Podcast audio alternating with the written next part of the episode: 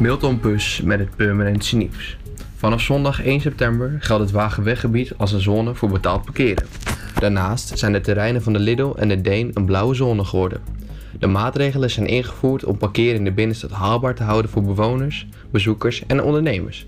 Daarnaast hebben bewoners in het Wagenweggebied de gemeente verzocht tot invoering van de maatregel omdat zij steeds meer moeite hadden om een parkeerplek bij een huis te bemachtigen.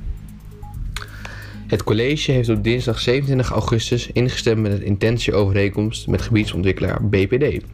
In deze overeenkomst spreken de partijen af om toe te werken naar een plan voor ongeveer 460 appartementen langs het spoor in het oostelijke deel van het Wagenweggebied.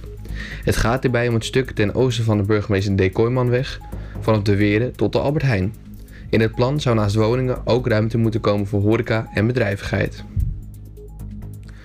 Voormalige PVV-raadsleden Rob van Dongen en Julie Sunjoto bundelen hun krachten met Bram Buskoop en Rem Buskoop van gemeentebelangen Purmerend.